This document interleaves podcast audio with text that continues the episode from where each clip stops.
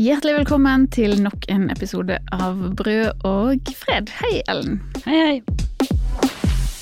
Vi må eh, begynne rett på en eh, beklagelse, for eh, for to episoder siden så kom vi, det vil egentlig si deg, Ellen, til Mm. å si en liten feil. Eh, og jeg kan jo innrømme at jeg ikke akkurat catchet dette heller. Det var det vår fine kollega Ingrid Wergeland som gjorde. Eh, det det gjaldt var altså da Henrik Ibsens eh, dikt 'Terje Vigen', som du, Ellen, sa at eh, var, utspiller seg under første verdenskrig. Men her er det jo et lite problem, og det er at første verdenskrig var fra 1914 til 1918. Og Ibsen, han døde i 1906. Sant, Altså i god tid før første verdenskrig begynte. Ja. Eh, så det var en annen krig. Det var en annen krig Norge ikke var aktivt med i, på en måte, for det var eh, Dette her tar jeg også fra det top av meg, så vil vi korrigere det neste gang. Men det var sånn Napoleonskrigene eh, fra 1808 til 1811, da Norge var en del av Danmark-Norge. Og Danmark-Norge hadde gått inn på eh, Napoleons side, og eh, vel med Nor- Norge liksom eh, blokkert. Det var blokade i havet som gjør at Terje Vigen ikke får hentet Ja. sitt. Eh, og eh, da Dan Danmark hadde valgt det tapende laget i den krigen, så ble også Norge overlevert til Sverige. Ja. Så så endte det. Vi har en kasteball. Mm. Men vi vil i hvert fall beklage for den lille feilinformasjonen. Men det som man alltid kan trøste seg med da når man gjør sånne feil, er at eh, der det går litt fort, er at vi er jo ikke de eneste der det har gått litt eh, over styr og slengt rundt noen litt sånn feil eller ville påstander i det siste. For det har jo vært eh, mye snakk om våpen til Ukraina siste, de siste ukene. Og særlig at Rødt nå er det eneste partiet som ikke vil sende norske våpen til Ukraina. Hva mener du, Ellen, om våpen til Ukraina? Ja, nei, jeg mener at det er veldig vanskelig. Um, jeg tror jeg Jeg var veldig glad for at Rødt landet på det standpunktet. Eller jeg, jeg var veldig skeptisk til å sende da det liksom skjedde, for jeg følte det var så Da de andre partiene bestemte seg for et år siden, det var så Mm. veldig blodtåke og alt gikk så fort. Men nå som det har gått litt tid, så tror jeg jeg har um, så mange tvilt meg fram til at det kan være at det er bra da når man først støtter ukrainernes kamp mot Russland og ønsker at det skal endre seg litt på slagmarken, så gjøres jo det via våpen. Så, mm. Men, eh, men det er jo det er ikke lett, også fordi Russland har masse atomvåpen, på en måte, eh, som ikke er så trivelig å tenke på. Jeg syns heller ikke dette med våpen er så veldig enkelt. Jeg tror kanskje ja, Heldigvis eh, har det ingenting å si hva jeg mener, men jeg tror nok kanskje jeg ville helt i samme retning som deg. Men eh, selv om vi ikke syns det er lett, så syns alle andre at det er veldig, veldig, veldig, veldig lett. Selvfølgelig skal Norge sende masse våpen til Ukraina. Det mener eh, alle de andre partiene, kommentatorer, avisredaktører. Det er brei konsensus der, da. Mm. Men debatten eh, har gått litt over styr. eh, men egentlig så har debatten om eh, Russlands invasjon av Ukraina gått over styr to ganger. Og den første gangen, det var allerede i februar i fjor, da krigen brøt ut. Eller da Russland invaderte Ukraina. For da kalte Aftenpostens kommentator Klassekampen for Putins etterplaprere. Og eh, vi kan innrømme at eh, begge vi har jobbet i Klassekampen, eh, Ellen. Mm. Så vi ikke helt nøytrale. Det kan vi jo innrømme. Men eh, så, ja. Ikke overraskende mener vi at det var litt eh, voldsomt og urettferdig av Aftenpostens kommentator å kalle, kalle Klassekampen for Putins etterplaprere. Eh, Ja, for de hadde jo dekket liksom, forkanten til krigen Vi, hadde, ved å- ved egentlig lyttet til ulike stemmer, ikke sant. De hadde Ja. eh, intervju med en amerikansk eh, analytiker som het John Mersheimer som mente én ting, dagen etter snakket vi med en annen som mente det motsatte osv. Så, videre. så den pluraliteten der satte jeg veldig pris på, husker jeg, men andre ikke så mye. Og det var jo ganske mange av de kildene som på en måte var sånn Nei, det er helt usannsynlig at eh, Russland kommer til å invadere. Men Aftenposten tolket dette som eh, en måte å eh, ja, gå Putins ærend. Eh, og eh, det ble jo debatt i Dagsnytt 18, og redaktør i Klassekampen Marius Kurdal, hun svarte dette. Eh, samtidig så syns jeg jo at det er grovt urettferdig å bruke ord som Putins etterplaprere. Altså det høres ut som Klassekampen på 70-tallet, liksom, som bare skal lange ut mot alle med sånne harde karakteristikker. Det er faktisk lov, selv om ikke, det er ikke sånn at vi heller skriver på lederplass akkurat nå om dagen. Eh, send, send den uh, søknaden til Nato om å melde oss ut, liksom. Det er ikke det som står på agendaen nå. Men jeg mener jo fortsatt det at de som er for Nato i Norge, som er et flertall, og de som er mot, de står sammen faktisk mot denne invasjonen. Jeg har knapt sett en, en, en større liksom, samling i norsk politisk opinion enn en det vi ser i den fordømmelsen av mm. Putins invasjonskrig nå. Ja, det er en litt annen eh, historie. Ja. Så Klassekampens redaktør er jo veldig forsonende, sier at her er det samling uh, i fordømmelsen. Alle i Norge støtter Ukrainas frigjøringskamp, det er budskapet. Men nå, nesten et år seinere, så har denne debatten rundt eh, krigen i Ukraina gått litt over styret igjen. Og denne gangen så er det Skurdal selv som jeg syns det går litt over styr for. For de siste ukene har jo Rødt, eh, som i dag er det eneste partiet som ikke vil sende norske våpen til Ukraina, der er det noen som har begynt å tenke kanskje vi skal ombestemme oss, kanskje partiet skal snu. Dette skal diskuteres på landsmøtet i april. Eh, og man kan jo tenke at de har brukt veldig lang tid på å finne ut eh, hva de mener. Samtidig har jo ingenting å si for ukrainerne, siden Norge sender masse våpen uansett.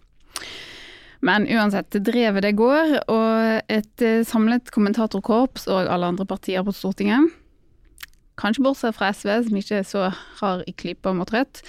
Eh, ja, de har jo i hvert fall i altså alle andre har i lang tid kritisert Rødt for å være usolidariske og naive og det som verre er. Mm.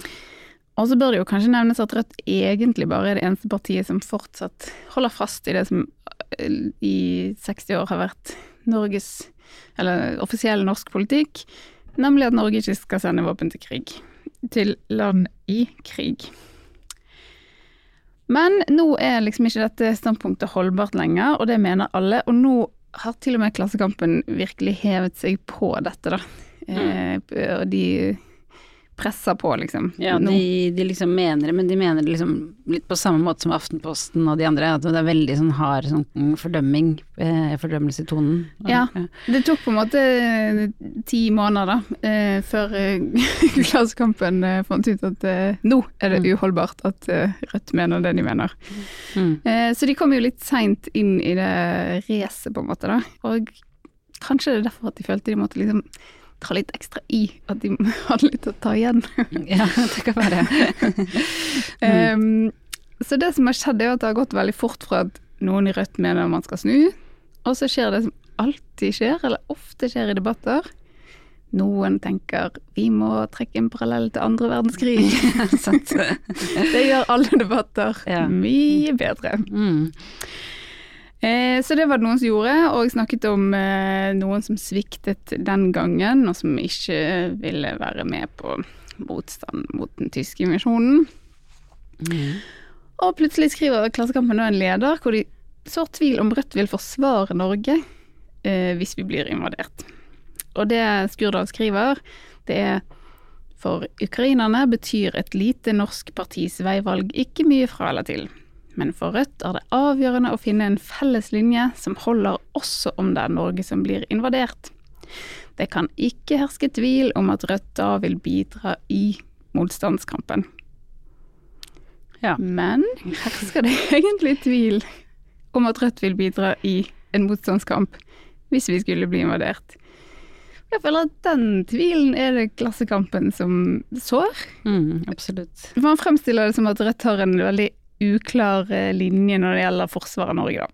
Mm, og det har jo Rødt aldri hatt, og, og, heller ikke en uklar linje når det gjelder å fordømme denne krigen. Det handler jo bare om hva slags virkemidler man skal bidra med og Så føler jeg jo at mm. Eh, her er det Det går uh, Denne vakre, breie konsensusen som, mot Russland, som Skurdal snakket om i fjor, den har forsvunnet som dugg for solen det går litt over stokk og stein her. Det høres ut som Klassekampen på 70-tallet, liksom, som bare skal lange ut mot alle med sånne harde karakteristikker. Ja, så da må vi spørre, da. Er det verre å si at Terje Vigen handler om første verdenskrig, eller er det verre å så tvil om at et lite parti skal være med å forsvare Norge? Hva mener du, Ellen? Jeg tenker kanskje det siste, og i det hele tatt nei til krig. Nei til krig. Det er forvirrende. All krig. Ellen, du er jo i bokbransjen. Eh, kanskje du av og til forholder deg til boktoppen, altså hva som selges eh, mest her til lands? Ja, jeg ser på det. Mm. Er det mange manifestbøker som eh, topper listen? Eh, Tronsmolisten, ja. men, men i den generelle sakprosa for, eh, for voksne, så er det sjelden vi når opp der. Og det er jo fordi dere holder på med helt feil sjanger. Mm. Dere jobber jo mer på en måte litt sånn politisk sakprose. Stemmer. Men skal det bli noe penger, så må man skifte, skifte kategori. Og det, det som topper bestselgerlisten, stort sett det er på en måte selvhjelp og sånn selvforbedringsbøker, og mye kokebøker. Ja. Den første uken i år så var det en bok som het Bedre på livet, med undertittelen Hva vil du, og hvordan kommer du dit? Som toppet listen. Og eh, Ellen, hva vil du, og hvordan eh, kommer du deg dit? Godt spørsmål. Men, eller det er på ordentlig gode spørsmål.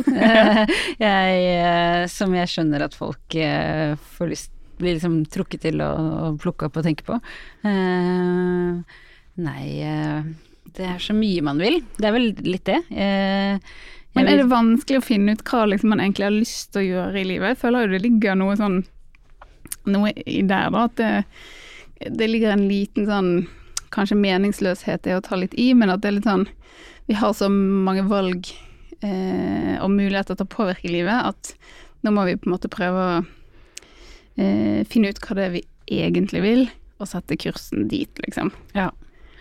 Og da er jo uendelig med grubling man kan ha der. Eller sånn eh, For meg personlig så vet jeg i hvert fall veldig mye jeg har lyst til å gjøre mer av. Har lyst til å være enda mer med venner, enda mer med min søster og familie, enda mer lesing, enda mer trening, enda mer med mannen min. Sånn at det liksom eh, Det er mye sånne mål jeg kan gå og gnage på. Sånn eh, eh, ja.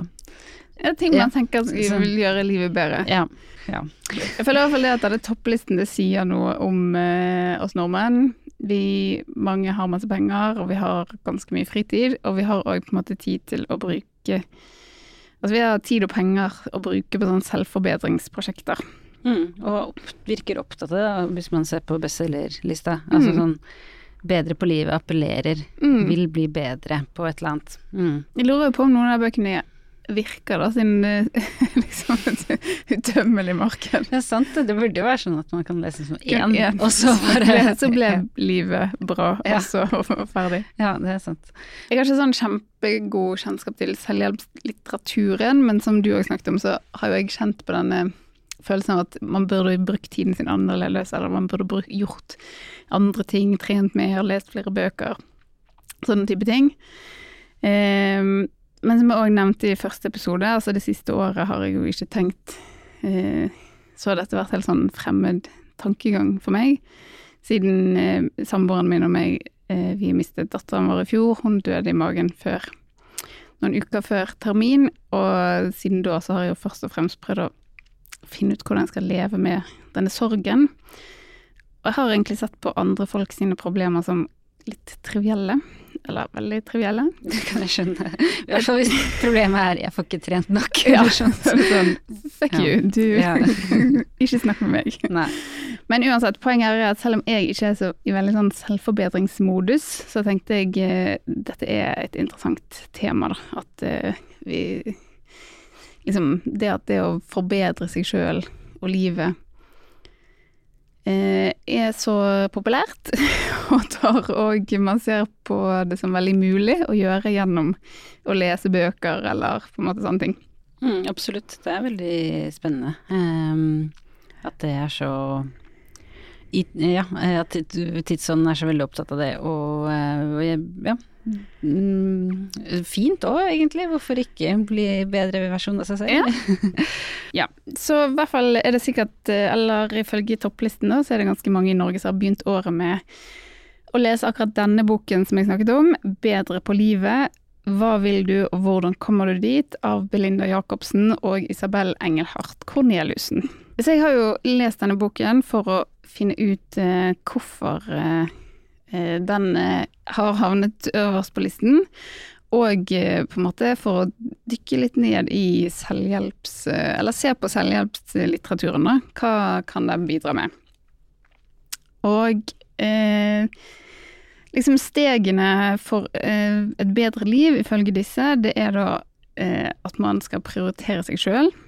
Så skal man ta mikrosteg, og det handler om at man ikke skal prøve å gjøre gigantiske endringer eh, på en gang, masse store ting, men man må begynne i det små. Istedenfor å si sånn nå skal jeg bare spise sunt, så kanskje man skal begynne å bare spise sunn frokost, eller noe sånt. For å liksom gjøre det mulig, da. Ja, At man ikke liksom, setter seg overrealistiske mål og så ikke greier å fylle dem, og så gir man opp, ja. kanskje. Jeg føler at det høres lurt ut, men også noe jeg har hørt før. ja. Det, men nå får du det utbrodert i en bok. ja, ja. Så er det et nytt tips, og dette er litt mer, litt mer fremmed og nytt for meg, men jeg har eh, sett at det finnes på internett, eh, og det er dette som heter da manifestering. Mm -hmm. Jeg tror det er veldig likt eh, det som eh, den populære boken The Secret eh, drev med for 10-15-20 år siden. Mm. Altså at man skal liksom tenke ut og formulere målene sine, og så kommer det til å skje. Ja, jeg, både manifestering og The Secret den jeg bare har hørt så vidt om, men det handlet ja. liksom jeg du ønsker det i riktig retning. Ja, du ønsker det fra universet, på en måte. Syns jeg mm. husker at man snakket om The Secret, og så var det liksom Da skulle det, da skulle det skje. Veldig merkelig eh, greie, det. Ja, det, det, handler på en måte om at man mm. skal endre livet sitt gjennom eh, eh tankesettet sitt, da. Ja, okay. Eh, mm. og disse eh, manifestering, det skal òg helst da eh, formuleres i nåtid, altså egentlig som om det allerede har skjedd. For man skal liksom få hjernen til å tro at disse målene er veldig oppnåelige. Ja. Eh, og så fant jeg noen helt konkrete eksempler. De er ikke fra den boken jeg har snakket om, men for det, der har de ingen konkrete eksempler eh, på akkurat manifestering, for man må finne sine egne greier og hva man vil. Men jeg fant noen eksempler fra en blogg som heter Rachel Willman. Dette skal man da si til seg sjøl gjerne mange ganger om dagen. Man kan ha skrevet ned. Ja. Jeg er en pengemagnet, og penger kommer lett og fritt fra alle kanter. Jeg har en god, trygg og sikker økonomi som gir meg frihet til å leve drømmelivet mitt hver dag. Og da snakker man liksom som om man allerede har oppnådd å bli en pengemagnet. Eh, og hvis man Oi. sier dette mange ganger, så blir man kanskje en pengemagnet. Så er det et annet, og det er jeg er slank, sterk og en fantastisk trygg og selvsikker dame som strutter over av energi og glede. Og hvis man sier dette mange nok ganger, så kanskje skjer det. Um, hva er din umiddelbare magefølelse? Har du tro på dette?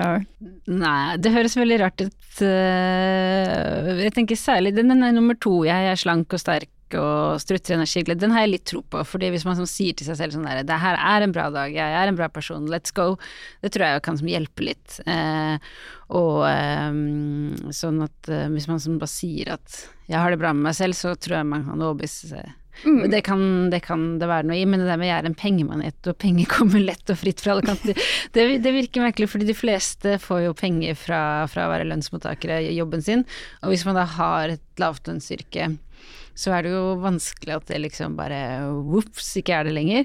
Ja. Og så få penger inn på andre kanaler ved siden av jobb, da, som jeg tror er ganske populært for tiden, og folk prøver å høsle med ditt og datt, eksempel. Intervjuer yoga, eller yoga, eller, ja, ikke sant. Og, og, så mm. kan man liksom begynne å, å selge det kanskje ved siden av jobb. Kanskje Jeg har en venninne i, i, Portugal som driver, prøver å liksom starte sånne retreats mm. eh, for kvinner. Og hun er liksom på, på, ekte opptatt av det og sikkert flink, men poenget er at det er jo ikke så lett å bare gjøre det, fordi markedet er ganske mettet allerede, og du har ikke et kjent navn og bla, bla, bla. Sånn at det derre eh, Penger bare kommer, bare Det, det, det syns jeg er veldig vanskelig å å tro på, da. Eh, og liksom jeg har frihet til å leve drømmelivet hver dag. Det høres ut som man bare plager seg selv hvis man sier, og hvis man bare ikke har det. Eh, hvis strømregningen har gått til inkasso, så er det vanskelig at det liksom skal bare løse seg, da, av, av positive tanker. Ja, Eh, så det er kanskje, Jeg vet ikke om det er noen sånn kombinasjon med liksom sånn øh, Det kan jo være tankens kraft og liksom det at man tenker gjennom at sånn Dette er det jeg ønsker meg, og hvordan skal jeg komme meg dit. Det har kanskje noe for seg. Eh, men det kan gjerne det er noe med mikrosteg, ja. Man må ikke lage sånn Jeg har full økonomisk frihet. Eh, og si det tolv ganger hver dag til seg. Hvis du på en måte har altfor mye inkassogjeld, så man dagen før hadde det. Ja, så kan det bli vanskelig. Ja. Eh, Men uansett, det var liksom ett steg, og så er det på en måte et nytt steg i denne prosessen om et bedre liv. Det er at eh, man må begynne å gode, gjøre gode gjerninger, og så kommer de tilbake til deg. Eh, og et eksempel i boken er at en av forfatterne hjalp et familiemedlem med penger. Eh, og så lenge etter, eh, ikke så veldig lenge etter, så fikk hun inn det tidobbelte på konto. Og det var da fra en kunde til firmaet hennes som hadde glemt å betale en regning på mange år. Men det tolker hun som på en måte en nå kom det gode tilbake. Altså, det er veldig sånn karma-tankegang. Hvis du gjør gode ting, så kommer det gode ting tilbake. ja, ja, ja. Og det er jo egentlig en ganske positiv ting, å gjøre gode ting for andre.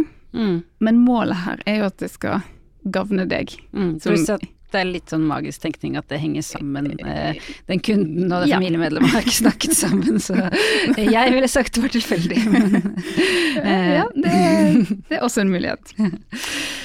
Eh, men det gjennomgående budskapet er i hvert fall man må ta ansvar for eget liv, og gjennom å finne ut hva man egentlig vil, sette seg mål, og tørre å sette av tid til å gjennomføre det, så vil man på en måte få et bedre liv.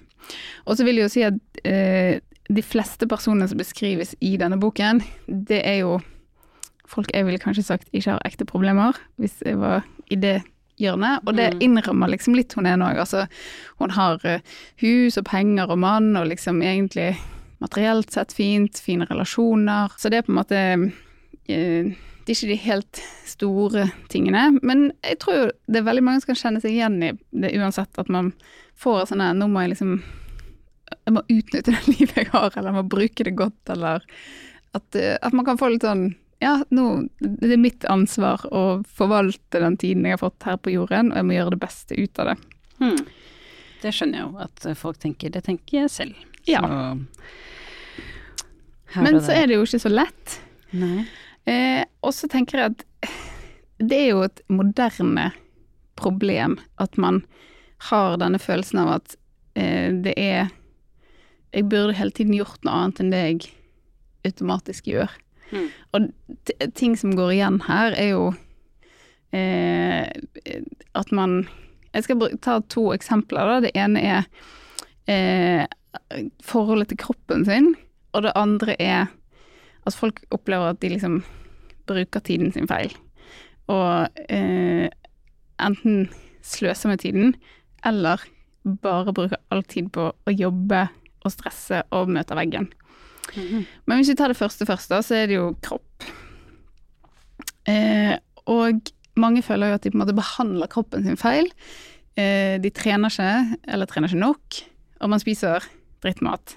Fordi man har urealistiske kroppsidealer, så føler også helt vanlige sunne kropper, eller folk med sunne kropper, at de burde gjort noe annet. Mm, ikke sant. Og også vi har liksom eh, litt rare liv nå i moderniteten, altså i hvert fall vi som jobber på kontor eksempel. Vi sitter jo rent faktisk veldig mye stille, og jeg har begynt å tenke mer på det i det siste. Så det er ikke akkurat at jeg er misfornøyd med kroppen min, men sånn herlighet, jeg må faktisk bevege meg litt av og til, liksom. Eh, og det, så det er mye å tenke på da når vi har sånne Um, sånne kontorliv med mye stillesitting og Og mat overalt. maten overalt, og man vet man skal spise sunt, men det er usunn mat overalt, og, og så videre og så. Mm. Så vi bor jo på en måte i et samfunn med, eh, som jobber mot oss, da, med veldig store fristelser. For de av oss som har en ikke anstrengende jobb, eller liksom der vi ikke får brukt kroppen. Og mange har jo en jobb der de på en måte bruker kroppen, men på en så hard måte at det blir dårlig for kroppen igjen. Mm, absolutt. Um, men stort sett så jobber liksom ikke samfunnet for oss når det gjelder kropp. Nei, det er ikke det. Eh, og det er som du sier også disse idealene, ikke sant. Man ser så mye Altså, hvis man sammenligner med, med gamle dager, så som jeg elsker å gjøre, om liksom noen hundre år tilbake. Altså, folk hadde jo ikke speil, og folk hadde ikke bilder å forholde seg til, nesten. Kanskje noen kirkemalerier og that's it. Ja, ja. Så at det var eh, den derre at vi hele tiden liksom bombarderes med bilder og eh, og hvordan man egentlig kan være mye bedre og sånn, eh, i tillegg til eh, denne Enormt masse råd og enormt mye fristelser og eh, Nei, så det er jo ikke lett i det hele tatt. Men så er det jo den andre siden at én ting er på en måte kulturen og hvordan det får oss til å føle oss og sånn, men helt eh, objektivt så er det jo ikke bra å aldri bevege seg og bare spise sukker og fett. Eh, så det er jo også et problem, på en måte. Absolutt. Så Så det de har jo- Disse folka som råder til å droppe det, har jo rett, på en måte. Ja. Eh, Så det er liksom den ene som jeg føler er Der er det noe uløst. eh, som jeg skal liksom Ja. Men uansett, det andre Vi får ta det andre problemet først, og så skal vi ta litt uh, hva de to problemene har til felles. ja, god idé. For uh, et annet uh, problem som går igjen i denne boken 'Bedre på livet', er jo at det er flere som opplever at de liksom går på veggen, eller de, de, de blir helt utmattet. Og det kan være av jobb, men det kan òg være av å ha liksom et eh, heseblesende sosialt liv, eller bare liksom slite seg ut, eh, rett og slett. Mm. Det, Og det er hører man jo mye om også. Absolutt. Og utbrenthet var jo en Jeg vet ikke om det var en diagnose, men det var i hvert fall en vanlig ting å bli for kanskje spesielt en stund siden, noen år siden. Jeg husker jeg hadde flere lærere som var vekke fordi de var utbrent. Men det er vel det fortsatt? Så Ja. Folk, eh, hadde ikke NRK nå en, eh, en sak om at å være hjemmesykepleier er Norges sykeste yrke? Mm. Og det er fordi eh, du blir sykemeldt av utbrenthet eller, eller Ja. lignende, liksom. Eh, For det er så utrolig hardt press da, Ja. på dem. Men de eksemplene som trekkes frem i boken, er jo egentlig mer sånn um, at man man eh, driver seg sjøl for hardt, da. Litt sånn indre, indre driv. Mens de som jobber i helsevesenet, blir jo drevet av jobben og systemet, og, og selvfølgelig en plikt overfor pasienter, og at eh, det er lett å på en måte Vanskelig å sette grenser og si sånn Nei, nå har jeg brukt den tiden jeg får lov til å være her, eller betalt for å være her, så nå drar jeg, selv om du ikke har blitt ferdig påkledd, eller altså Ikke sant. Eh, mens med denne boka er skrevet litt ut fra et litt mer privilegert ståsted, Ja. er det du mener? Ja. Hvor de ja, eh, ikke er helt gode, føler de ikke liksom får til eh, Folk som på en måte kanskje eh, spenner litt bein på seg selv, da. Eh, at eh, Ja, men så kommer jo dette sånn, man si, man kan på en måte skylde litt på de, men så kommer jo dette jaget om å liksom levere på alle mulige områder, det kommer jo fra et eller annet sted. mm. Eh, som jeg jo også tror er nytt. det er en del av hyperkulturen. Ja, det tror jeg også. Jeg tror, eh, jeg tror liksom ikke folk på en eh, bondegård på 1800-tallet bare jeg må, I tillegg til eh, oppgavene mine, så må jeg måtte trene og eh, Passe på at du har malt stuen i riktig nyan- nyanse av beige. Ikke sant. og så videre. Ja. Nei. Ja. så kanskje det er liksom det er sånn prestasjonskultur, som jeg Mm. tror jo eh, Noe er jo kanskje fordi vi har masse muligheter, det har blitt en kultur, eller liksom Man kan liksom se at folk får til ting på alle mulige områder og blir litt sånn misunnelig. Men så er det jo også noe med nyliberalismen, dette ulne begrepet, eh, som handler om at liksom altså effektivitet er det høyeste av det høyeste, liksom maksimering, nyttemaksimering, også gjennom konkurranse. Så hvis vi alle hele tiden på en måte er i en konkurranse med hverandre om å ha best jobb og se best ut, trene mest, ha best rekord på halvmaraton og uh, ha finest hjem og lage best mat, altså at vi på en måte litt sånn ufrivillig går inn i masse konkurranser og vi ikke Og, og, og sikkert ubevisst. Man, man skal på en måte prestere på så mange områder, da. Absolutt. Og på en gang og alt mulig. Mm. Ja, og det er jo veldig vanskelig å få til. Mm. Eh, og da blir man eh, utslitt. Mm. Og så er det på en måte dette med at eh, i hvert fall denne eh, selvhjelpsboken, den eh, går jo rett inn liksom Løsningen finnes hos deg selv, i positiv tenkning. Eh, du må få oversikt eh, over ditt eget liv, finne ut hva du egentlig vil. Poenget det skal veldig sånn løses eh, individuelt. Ja. Det, så hvordan løser de individuelt at man jager og er så sliten og sånn, da? Nei, altså Hun ene tar jo en tre måneders timeout i Spania. Så det er jo én løsning. Det var en god løsning for folk. det var altså sånn ferie, da? Eller? Ja, en ferie. Ja. Mm. Så den er ikke umiddelbart tilgjengelig for alle, tror jeg. Nei, men det høres veldig appellerende ut. veldig appellerende.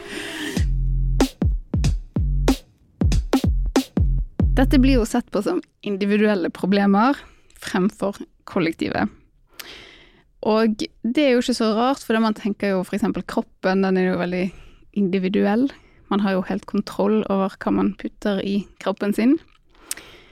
Men eh, i tillegg til å gå til selvhjelpsbøkene, så gikk jeg selvfølgelig også til en sosiolog, siden jeg er sosiolog, som heter eh, C. Wright Mills, som har skrevet en bok eh, for lenge siden som heter The Sociological Imagination altså den sosiologiske forestillingsevnen, eller noe sånt.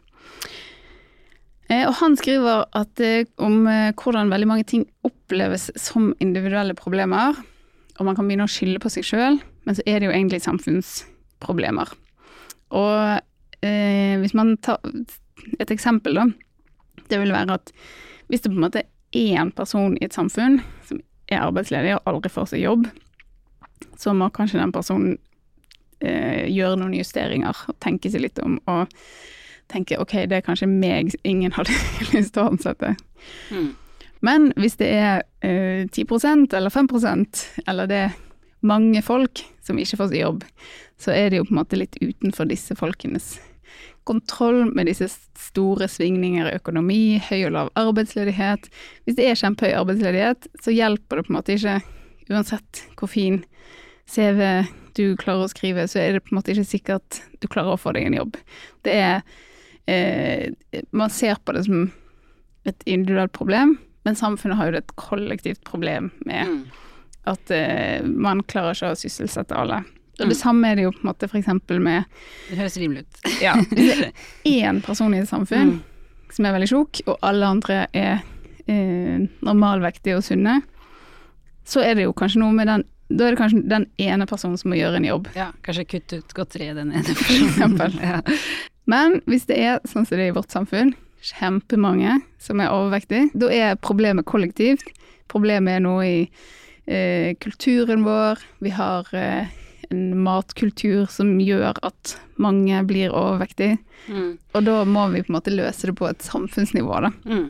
Og liksom mange har liten tid, den eh, raskeste maten er den mest usunne maten, og eh, det er den som promoteres, og ja, ikke sant, alt det, alt det der. Eh, og rett og slett maten i seg selv, det er masse prosessert mat som er ganske farlig, ja. men, eller ikke sunn i hvert fall, og som er liksom tilgjengelig overalt. Og, ja. ja. Det er ikke akkurat individets feil. Nei. Og hvis man hadde klart å liksom vri eh, disse tingene på et eller annet vis, Økonomer vil sikkert si vi må prise det riktig, så spiser alle sunt. Mhm. Ja, det vil jeg sikkert si. det, det, tror ikke jeg vi vil si, men uh, jeg tror ikke jeg har en løsning på dette. Men det er i hvert fall veldig vanskelig for hver enkelt da, å skulle gå for, gå fra å være en som eh, kanskje lett legger på seg av å spise feil mat. Folk har jo litt forskjellig kropp og sånt også. Og så skal man liksom ta Ja, det krever veldig mye, da eh, vil jeg tro, siden det er så mange som ikke lykkes. Absolutt. Eh, og eh, det blir jo veldig tungt når det liksom legges på individets skuldre. Mm, og det er det som skjer i disse, jeg holdt på å si disse selvhjelpsbøkene, men du har ikke lest alle, men i hvert fall denne, da. Mm. At hun, de har individuelle løsninger som forslag, disse forfatterne. Mm. Ja. Så man må liksom ta grep, man må skjønne at eh, livet sitt er et resultat av valg man har tatt. Eh, det er jo òg et poeng det er verdt å dvele ved, men som vi ikke gjør akkurat nå. Ja. Um, men jeg, jeg, kan skjønne dem, fordi det er jo litt det samme det jeg sa med mitt nyttårsforsett. Jeg personlig skal kutte ut sosiale mm. medier, og det er jo uh, fordi jeg har lyst, og, men det er jo ikke noen ordentlig løsning, liksom. Det merker jeg jo selv òg. Det Nei, men så er det jo sånn hva, Jeg vet ikke hva hadde vært en ordentlig løsning. Det hadde Nei, kanskje sant. vært sånn uh... En ordentlig løsning er vel ikke, revolusjon, liksom, og siden det er så uh, ned med alt, og det, det, det er for, for, uh, for, for stort, da, så da blir det lett at man, man, man, man går i seg selv. Det er jo gir mening. Men eller på en måte sånn Jeg kan altfor lite om sånn sosiale medier og alt som ligger bak, men det er jo òg noe med sånn måten det er styrt og laget med sånn Du får opp alltid det du har lyst på. Mm. Mer av. Du får på en måte ikke opp egentlig det du kanskje sier at dette er det jeg interesserer meg for, eller liksom Ja. De prøver jo å holde deg der, Absolutt. de det jo- onde menneskene i ja, Valley. sant? Ja. Og det går an å kontrollere de mer uten revolusjon også, men med regulering. ja. Så Mm. ja. Det, eh, det, er- det er Det er rett og slett eh, vanskelig for mange å leve i den mest privilegerte tiden i historien, tror jeg vi kan si. Mm, Men det er jo ikke nytt med på en måte leveregler. Eh, religionen har jo vært en eh, leverandør av det i mange år. Eller alltid. De flest, folk flest er jo religiøse, Mm. eh, altså i verden. Og da får man jo på en måte et sett med leveregler som man skal forholdes til. Eh, og de sier jo at dette er veien til det riktige liv. Jeg vet ikke om religion Jeg vet ikke om det har vært så viktig f.eks. på Moses sin tid at de ti bud var veien til det gode liv, men det var i hvert fall veien til det riktige liv. Absolutt. Ja, det var jo sånn man, man skulle oppføre seg, ja. Mm. Ja. Eh, så jeg tenkte vi kanskje vi kan gå gjennom de ti bud eh, og se er det noe her vi kan lære av som vi kan bruke i dag. Eh, Kollektivt istedenfor ko- kollektivt, Eller liksom, individuelt. Eller. liksom, hva? Det første er jo du skal ikke ha andre guder enn meg. Mm. Hvis vi tolker det litt sånn eh, velvillig, da, så kan man jo si sånn Alle må forholde seg til de samme reglene, Ja. på en måte. Mm. Og, og på en måte, det er jo litt lett. Eller det gjør det jo lettere på samfunnsnivå at alle forholder seg til det samme. Absolutt. Så egentlig føler jeg at vi f.eks. i Norge i dag på en måte oppfyller vi det siden vi har liksom et lovverk. Ja, ok, vi sier det. Nei, men jeg skjønner, skjønner hva du mener. Og det, jeg tror at um, det både religion gjør, men også disse bøkene, er jo på en måte å, å gi deg litt sånn rammer, fordi sånn at ting ikke skal flyte helt ut. Ja. Uh, for folk liker veldig godt å ha ha litt rammer i livet sitt. Uh, litt sånn noe konkret å forholde seg til. Så liksom Felles eh, regler i samfunn og trafikk og så videre er liksom det er kjekt å ha, da. Ja. Mm. Eh, så jeg tenker jo det er bra. Liksom, vi har noen felles regler, og så tror jeg jo på en måte eh, det er bra sånn som vi har det nå, at lovene tross alt er eh, demokratisk eh, lagd. Eller liksom Så det er mulig å endre de. Mm. Det er positivt. Så det trenger ikke være helt fast. Nei. Så er det jo du skal ikke misbruke Guds navn. Tror jeg bare hopper over den. Ja. Ikke interessant. Du skal holde hviledagen hellig. Mm. Her er vi jo inne på hvile, sette tid til seg sjøl kanskje, eller familien. Det, jeg setter pris på at liksom man har eh, et bud der man er sånn Hvile er viktig. Mm. Det er litt som en uh, timeout i Spania også. ja, det, er litt ja. Man må hvile og Mm. finne Ja. ja, finne roen. Mm. Så er det Du skal ære din far og din mor. Mm. Eh, det kommer jo litt an på din far og din mor, tenker jeg. Ja. Eh, det er ikke likt for alle. Men eh, em, Så den er litt eh, tricky. Men jeg tror jo at det er Hvis, hvis man eh, eh, Hvis det føles riktig, så tror jeg det er bra at man liksom prøver å være litt grei med familien sin. Ja, absolutt. Også de eldre. Ja, og mange prøver jo på en måte å sette av tid til å besøke eldre foreldrene sine når de blir gamle og sånne ting, og det, mm, det tenker jeg er en fin ting Mm. å ha med seg. Mm. Jeg tenker òg det er en grei ting å lære unger, sånn hvis man eh, er i en normal familie uten utrolig kjipe foreldre. Så er det jo bra at barn får vite sånn Du skal få sette pris på dine foreldre. Ja, det tenker jeg òg. Så er det nummer fem. Du skal ikke slå i hjel. Ja, enig. Helt eh, bra, bra bud. Bra, bra råd. Eh, du skal ikke bryte ekteskapet. Ja. Den er litt streng, Ja. Men jeg vil jo på en måte si, og det er ganske sånn strengt å ha sånn et eh, monogami så hardt slått fast, kanskje. Mm. Men eh, hvis vi tolker ting litt velvillig, så er det jo på en måte at sånn Vi må ha noen regler for kjærligheten. Mm. Det tror jeg er fornuftig. Ja. Men kanskje det skal være mer normer enn lover. ja. Det er Og så, det syns jeg òg fungerer ganske greit Mm. i Ja. I Norge i dag. Så er det du skal ikke stjele. Mm. Her er det jo allerede fra Moses tid beskyttelse av eh, privat eiendomsrett. Mm, ja. Og det kan man jo eh, også stille spørsmål Nei da, eh, jeg tenker det er bra å ikke stjele direkte. Eh, Så får man heller Men kanskje vi må tenke litt på hva er det egentlig som er stjeling. mm, Er det å utnytte arbeidere og, og eller bli laksemillionær? Milliardær? Ja. Det er kanskje òg et slags tyveri. Mm. Det må de slutte med. Det må de slutte med. Og uh, om uh, sånne store firmaer som for eksempel eh, hva heter det, har lakseoppdrett, var eid av arbeiderkooperativer istedenfor en enkeltperson. Det hadde jo jeg syntes var bedre, så jeg vil ikke si at det er å stjele hvis, hvis et sånt firma blir omgjort. men, men man bør jo få ha liksom eh, ryggsekken sin og tannbørsten sin i fred, helst. mm. Det står òg dårlig til hvis du tenker jeg har veldig lyst til å gjøre noen andre sin tannkost. Hvis du er der, så syns jeg faktisk du skal få- lov til det. Det er sant. Hvis du har det så trått. Ja. Ok, så er det nummer åtte, og du skal ikke tale usant om din neste. Mm. Også strengt, men kanskje positivt, sant? Altså Mm. at man skal være eh, Ikke tillegge folk eh, riktige motiver, være grei, Mm. eh, ikke baksnakke folk. Mm. Det er litt sånn høyt og lavt her. Ja. Ikke slå i hjel, ikke baksnakk. Jeg vet, det er, det er sant det. Det er litt morsomt at dette er liksom de ti tingene Gud ville si. Ja. Mm. Eh, Og så er det du skal ikke begjære din nestes eiendom. igjen. Og her føler jeg Ja, det er liksom litt men Men er her, oppfengte eiendom. ja, veldig. Men jeg føler på en måte at her er vi litt inne i egentlig overlapp til selvhjelpen, da. Mm. Fordi at eh, eh, i den boken, 'Bedre på livet', der, der skal man egentlig bruke det som en slags metode. sånn, Hva er du misunnelig på, hvem er du misunnelig på, hvorfor det? Og da finner du ut hva du egentlig vil på en måte i livet. Mm. Ja.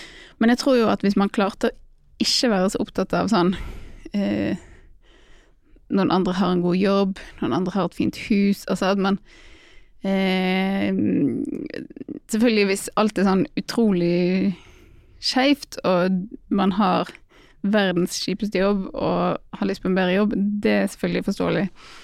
Men at det er noe med sånn Jeg tror jo vi indirekte bruker veldig mye Eller ikke indirekte, men ubevisst bruker veldig mye tid på å eh, begjære andre folks ting og tang og liv. Mm, det tror jeg også, og det er liksom det mange sier med sosiale medier, at man sitter liksom og ser på andre sine perfekte liv, og så blir Ja. man skuffet over eh, hvordan han har det selv, samtidig som det andre legger opp er egentlig kanskje ikke helt sant, men et glansbilde, og så videre. Ja, så det er jeg enig i, det, det var veldig i tiden. Mm. Mm. Så, så det er litt sånn omgjort, så syns jeg det er et godt bud. Mm. Så er det det siste budet, og her kommer det masse problemer. Du skal ikke begjære din nestes ektefelle. Greit nok. Mm. Men eller hans arbeidsfolk, eller andre som hører til hos din neste.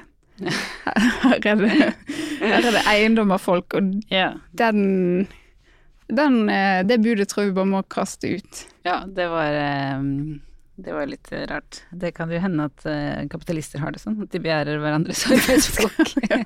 Og det gjør de jo. Og de tar de. Og folk til og med legger opp til det med å lage sånne LinkedIn-profiler. Bare 'se på meg, jeg har denne jobben, Mm. men jeg kan få en bedre jobb'. Gi meg en bedre jobb. Ja.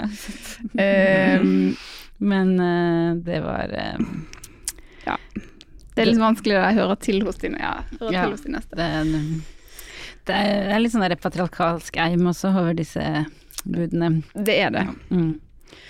Så um, jeg tror liksom eh, jeg, jeg tror man har eh, noen ting man kan trekke litt ut av de ti bud. Noen ting man kanskje kan trekke ut av den bedre på livet med at man liksom eh, Ja, jeg vet ikke, altså det er sikkert bra å tenke litt gjennom hva man vil i livet, sånn at man ikke ender opp med å etterpå sitte og føle at å nei, jeg har brukt hele livet mitt på å se på Netflix, hvis Mm. det ikke var det man ville. Men det er jo det som er så vanskelig, da, for jeg tror sånn umiddelbart så har veldig mange lyst til å se på mobilen, se på TV, Mm. spise drittmat. Altså, det, det liksom det, det man har mest lyst til, er i lengden ikke bra. Mm. Det er jo det som er det vanskelige, da. Ja. Og det er derfor selvhjelpsbøker fins. Men syns du at disse budene ligner selvhjelpslitteratur? Eller den boka du har lest? Eh, Nei. Nei. For det det her er det jo stort sett ting som handler om sånn regler i samfunnet, Mm. og hvordan vi best løser det hvis alle forholder seg til dette. Det er Mens sant. selvhjelpsbøkene er jo mer sånn du skal gjøre dette, du må ta valg, du Mm. må gjøre alle forbedringene. Det er ingenting om sånn eh, bli et positivt bidrag til nabolaget, Mm. Eller eh, gjør noe eh, godt, på en måte. Ja, det er sant. Og en annen ting som jeg legger merke til, er jo at eh, denne manifesteringen så skulle man si jeg, ikke sant. Jeg er sånn og sånn og gjør ditt og datt i nåtid. Mm. Mens eh, her er det jo du, det er veldig sånn ovenfra ned og pålagt, eh, istedenfor For i vår tid så skal du som komme fra deg selv. Mm.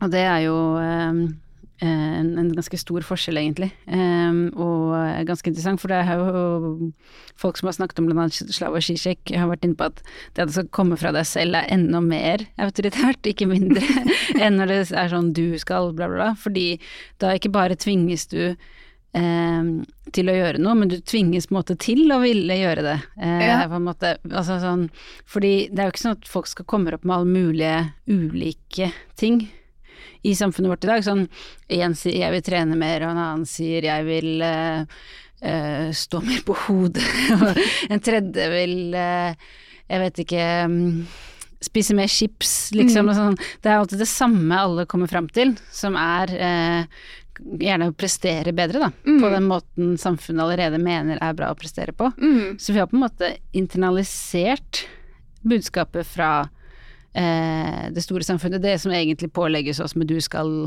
eh, gjøre dit og datt. Mm. Litt som de budene. Men vi sier at det kommer fra oss selv, da. Ja, ja, og vi tenker at vi har en veldig sånn indre driv til uh, forskjellige ting. ikke sant. Men så kommer vi liksom fram Så er til det sånn, samme, ja, alle det indre drivet mitt til å prøve å være sprek og slank, det kommer kanskje ikke helt fra det Nei. innerste indre. Nei, ikke sant. Særlig når alle kommer opp med det. Det, det, det er egentlig det er ingen som tenker eh, Eller alle kommer opp med sprek og slank, det er veldig få som kommer opp med det motsatte, da. Ja. Eh, mm. Men det er et eh, på en måte veldig interessant eh, eksempel når det gjelder akkurat dette med sånne forholdet mellom på en måte det kollektive og det å på en måte finne mening i livet gjennom å bidra til noe større, og eh, det å fokusere mest på seg selv. eh, I denne boken 'Bedre på livet'. Hun eh, Isabel Korneliussen hun forteller at altså hun er en slags eh, coach eller eh, noe sånt. Eh, og eh, hun har en klient som eh, kommer til Isabel fordi ekteskapet synger på siste verset, men denne klienten vil gjerne redde det, og de, vil redde det pga. barna og diverse sånne. Men det var ikke lett for Isabel å hjelpe henne, fordi, sitat, hvordan skulle jeg hjelpe en kvinne som ikke ville hjelpe seg selv? Mhm. For hun, eh, klienten klarer ikke å liksom sette fingeren på hva det er som er galt, da. Nei. Men så, eh, så plutselig skjer det noe En omvending. Dette skjer. Klienten Jeg har eh, sitatet. Heidi kom stormende inn døren på kontoret mitt fylt av lidenskap og kraft jeg ikke visste hun besatt. Isabel, jeg må gjøre noe, sa hun. Jeg kan ikke sitte på sidelinjen og se mennesker lide på denne måten. Det går ikke. Den eneste løsningen er å dra ned til Ukraina og hjelpe til. Da kan jeg i hvert fall gjøre noe. Jeg var målløs, sier denne eh, terapeuten. Heidi var villig til å dra, ned, dra til et krigsrammet Ukraina og kjempe en kamp for fremmede mennesker, men hun var ikke villig til å kjempe for seg selv. Sant? Ok. Her setter vi det ene mot det andre. Mm. Eh, og så litt senere står det Heidi hadde funnet en kamp hun følte det var verdt å kjempe. En sak som trigget krigeren i henne og satte i gang en annen følelse enn nummenheten. Hun hadde akkurat fortalt meg at hun ville dra til Ukraina, og nå slo jeg hånden i bordet og sa nei, det skal du ikke, du har ingenting i Ukraina å gjøre, la Nato ta seg av det. Hvis du vil føle og kjempe for noe, kan du brette opp armene og ta opp kampen på hjemmebane. Oi, det var en vending. Det var litt av en vending. Heidi så forvirret på meg. Hva mener du? Hvis du virkelig vil kjempe, så slutt å drømme deg bort i et liv du ser på TV. Drømmen om krigen i Ukraina. Ok, fortsatt eh, sitat. Ta tak i det som plager deg her og nå. Hvis et rent kjøkken er viktig for deg, bruk de ti minuttene ekstra før du legger deg slik at du kan våkne til et rent kjøkken. Og hvis du ønsker et lidenskapelig forhold til mannen din, ta på deg noe annet enn bestemortruser og legg bort den forbanna telefonen. Hvis du ønsker å skape flere minner, gjør flere morsomme ting sammen med familien. Du kan ikke forvente at livet skal levere hvis du ikke selv er villig til å ta noen grep. Oi. Så det, Det var var, det var hardt. Jeg tenker å dra til Ukraina og hjelpe til er vel et grep, vil jeg si. Og Jeg tenker, det er fint å gjøre. Kanskje mannen hadde tenkt sånn herregud for en fantastisk eh, kone jeg har, som ofrer så mye og vil hjelpe til i krigssone. Ja. Herregud. Jeg syns det var en, en god idé. Hvis man høres litt stagnert ut, og sånn, så, så vil du ha et, eh, et eh, rent kjøkken, så vask kjøkkenet. Men så er det nettopp 'jeg vil til Ukraina', så det var et annet ønske hun hadde formulert. Men denne terapeuten, eh, eller coachen eller hva hun er, hun, eh, hun klarer å avdekke at det er noe her. For kan, sant? Det som kommer fram er at eh, hun Heidi, klienten, etter hvert innrømmer jeg orker ikke å ha sex fordi jeg hater det jeg ser i speilet. Jeg savner kroppen jeg hadde før jeg fikk barn. Jeg eh, husker et par Ola-shorts som jeg pleide å bruke som jeg alltid følte meg skikkelig babe i. Sant? Så det egentlige problemet hennes er at hun ikke liker kroppen sin. Mm. Og så tar hun eh, grep, og hun får en oppgave at hun skal ta seg sjøl med på en date en gang i uken og gjøre noe utelukkende for seg selv. da jeg sa dette til Heidi, bare smilte hun og sa jeg vil ta solarium, jeg vil lukke øynene og late som jeg er på Ibiza, Ibiza og nyter en piña colada. Vi ble enige om at Heidi skulle sette planen om Ukraina på vent og begynne med å gi seg selv litt etterlengtet egenkjærlighet. Sant? Og det løsner nå. Ja, men Hun skulle jo hjelpe noen andre, for nå skal hun bytte det ut med solarium. Der står det oppsummert. Heidi begynte sitt nye liv med solarium og endte med en total livsstilsendring. Okay. Seks måneder senere kom hun vandrende inn på kontoret mitt i olashortsen hun hadde vist meg på bildet, med en glød jeg aldri hadde sett maken til. Så på en måte, måten å bli bedre på livet, det er å ikke dra til krigsrammede områder, men heller få hudkreft fra solariumsbruk. Eller liksom Ja, eller tenk på hvordan du ser ut hele tiden, og bruk masse, masse tid på å slanke av deg fødselskiloene istedenfor sånn, å bare Jeg tror det er mye bedre råd å glemme det, og hvis man har lyst til å hjelpe folk, kjempebra, gjør heller det. Det var veldig Ja, altså jeg vil si Det var den bokens definitivt svakeste punkt, men også kanskje mest minneverdige Ja, bidrag. litt tragisk. altså, jeg syns det høres skummelt ut å dra til Ukraina, men nettopp derfor veldig modig at hun vil det, da. Og så blir hun bare slått ned sånn. Ja. Det jeg også tenker, jeg tror hun, hun Heidi hadde hatt, eh, bli, fått det bra også om hun dro til Ukraina og hjalp andre, og Ja. Glemte liksom seg selv litt. Og dessuten så tror jeg man aldri kan få det bra nok med seg selv til at man kommer videre til å hjelpe andre, egentlig. Ja. Fordi det er alltid liksom noe mer man kan gjøre. Prosjektet seg selv, det, det tar liksom ikke slutt, da. Nei, det, jeg tror det er helt rett. Man må ha noe liksom, også etter man på en måte Hvis man skulle oppnå å føle at man har en eh, perfekt jobb, perfekt eh, kropp, perfekt hus, på en måte eh, være helt fornøyd med alle sånne eh, ting, på en måte, så så tror jeg jo fortsatt man kan føle på en tomhet, for å si det sånn. Man må ha noe mer som Og da, mm, hvis man bare fortsetter i det sporet, da, så vil man jo tenke at dette huset var perfekt for to år siden, men nå har det feil farge ifølge forrige interiør, nest, denne interiørtrenden også, ikke sant. Det, det stopper liksom ikke opp. eh, Det kan jo hende det er en eh, ganske sterk sammenheng mellom at det kan hende selges selvhjelpsbøker overalt, masse i hele verden, det gjør det helt sikkert. Men eh, det selges i hvert fall masse i Norge. Og det selges òg vi bruker utrolig mye penger på oppussing her til lands. Det er sant. Mm. Så kanskje det er fordi folk da velger å prioritere seg sjøl Det kan være og sier positive ting. Kanskje man heller skulle prioritert um Uh, tenke litt på andre uh, og løsning istedenfor å sende våpen til Ukraina. Sende seg selv til Ukraina. Men jeg tenkte i hvert fall å prøve meg litt i på en måte selvhjelps-religionsbransjen. Så jeg har laget noen leveregler og affirmasjoner som vi kan avslutte med, da. Ja, jeg er spent. Det er litt eh, Og jeg tenkte det holder med tre. Vi trenger ikke så mange. Ti er for mange. Er for En hel bok er altfor mye. Mm. Dette er da fritt eh, litt etter eh, Gilgamesh, som du presenterte i første episode. Mm. Litt ti bud, litt generell visdom. Men jeg tenkte jeg hiver meg på den affirmasjonstrenden. Ja, Og så formulerer jeg det sånn. Ja. Jeg er takknemlig for at jeg har brød og lever i fred, og jobber for at alle mennesker skal ha brød og fred. Det var fint. Det var fint, ja. Hmm. Så er det fra de gamle steintavlene. Nei, ja. Jo. leirtavlene. Leirtavlene, ja. Jeg tar varmebad og går med fine klær. det syns jeg var veldig fint. Det, var bare, det er bare sånn er det. Og så det siste. Jeg ser det beste i min neste, fremfor å Lange ut mot alle med sånne harde karakteristikker. Amen. Ja, amen.